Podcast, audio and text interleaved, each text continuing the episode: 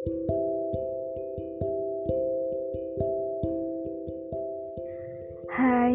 selamat datang di podcast Suara Sania. Kali ini saya mau ngobrolin apa ya? Hmm, kalau dihitung-hitung, saya lama juga ya menempuh pendidikan dari kecil, masih seumur jagung, sampai sekarang dan ternyata masih ada di tengah jalan. Masih cukup panjang perjalanan menuju garis finish. Kalau kata orang-orang, belajar itu nggak ada batasannya. Mau usia berapapun, di mana pun, dan kapan pun, bisa belajar, dan memang seharusnya tetap belajar.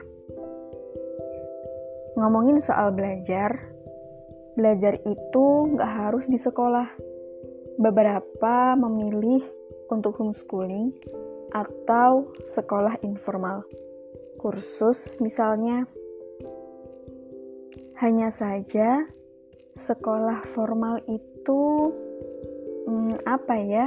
Seperti suatu hal yang wajib atau mayoritas dilakukan oleh masyarakat di era saat ini. Apalagi dengan adanya wajib belajar 12 tahun. Tapi, hemat saya, belajar nggak harus benar-benar di bangku sekolah formal. Di mana pun kita bisa belajar. Bahkan, pembelajaran yang paling memberi pelajaran bagi saya adalah lingkungan. Di situ akan ada yang namanya belajar memberi, menerima, memahami, dan belajar banyak hal lain yang terkadang itu datang secara naluri tanpa kita tahu teori. Kalau ngomongin belajar di sekolah, kalian gimana waktu sekolah dulu? Apa kalian senang dan nyaman dengan itu? Saya punya cerita ketika dulu duduk di bangku SMA di mana saya mengalami titik terjenuh dalam hidup saya. Tepatnya yang pernah saya alami sampai saat ini. Dan semoga itu yang pertama dan terakhir.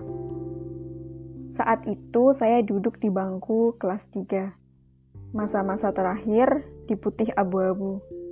Dan ternyata cukup kelabu.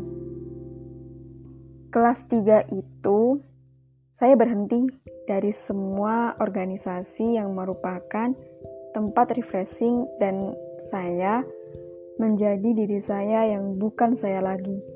Seperti ada yang hilang dari diri saya. Padahal di masa-masa terakhir itu harusnya adalah momen yang akan dikenang. Tapi saya tetap bersyukur karena saya dikelilingi oleh teman-teman yang baik.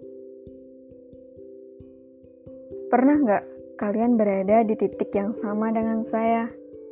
Gimana rasanya? Yang saya rasakan saat itu jenuh, bosen, penat, bawaannya sedih mulu. Seperti berada di jalan buntu.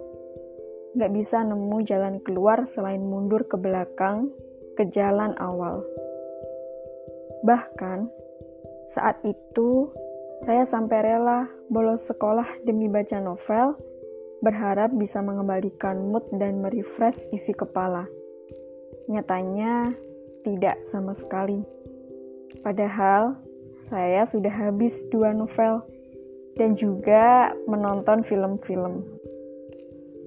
Benar-benar tidak ada motivasi dari diri saya ataupun dari lingkungan untuk belajar. Ya, walaupun mau gak mau tetap belajar. Tapi aneh gitu rasanya. Kelas 3 itu penuh dengan deg-degan tiap harinya. Karena ketemu matematika, fisika, biologi, kimia, sejarah. Ya, pasti takut kalau dapat pertanyaan, apalagi disuruh maju ke depan. Dan ternyata masih cukup banyak yang menganggap saya rajin belajar.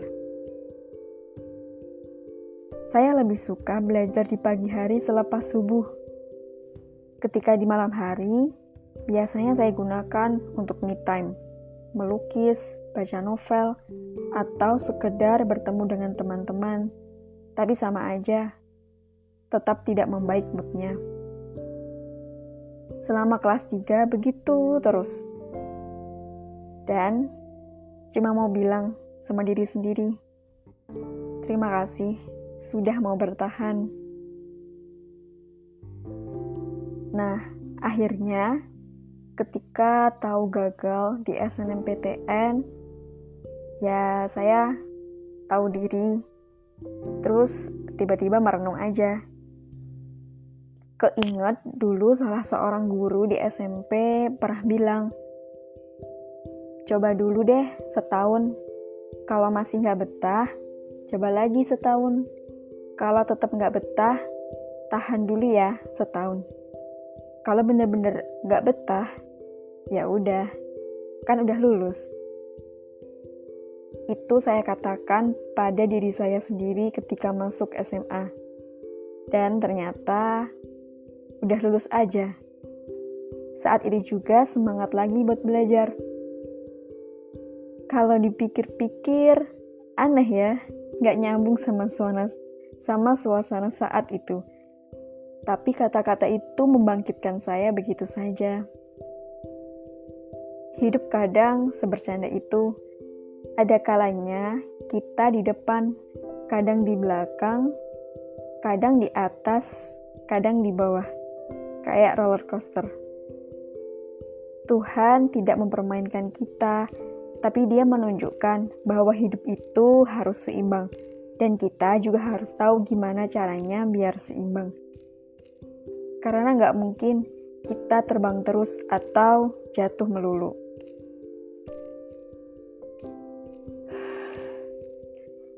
Masih SMA kok udah ngerasain kayak gitu sih?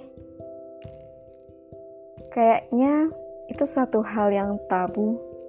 Tapi menurut saya, wajar-wajar aja.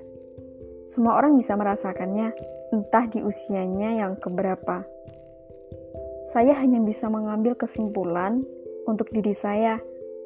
Barangkali itu adalah cara Tuhan agar saya lebih dekat dengannya.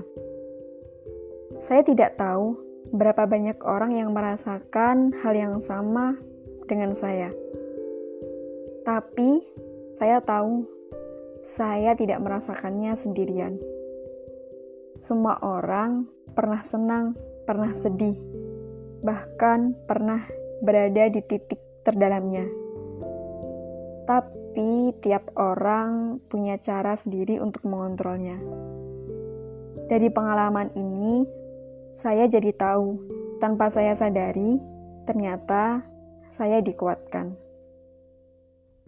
Untuk kamu yang pernah merasakan hal yang sama, kamu keren. Udah bisa menahan diri untuk tidak melakukan hal-hal yang tidak diinginkan. Untuk kamu yang sedang merasakan hal seperti ini, saya yakin kamu bisa melewatinya. Karena sebenarnya kamu lebih kuat dari apa yang kamu kira dan kamu mampu menembus batasmu. Coba deh untuk mencoba melakukan hal baru.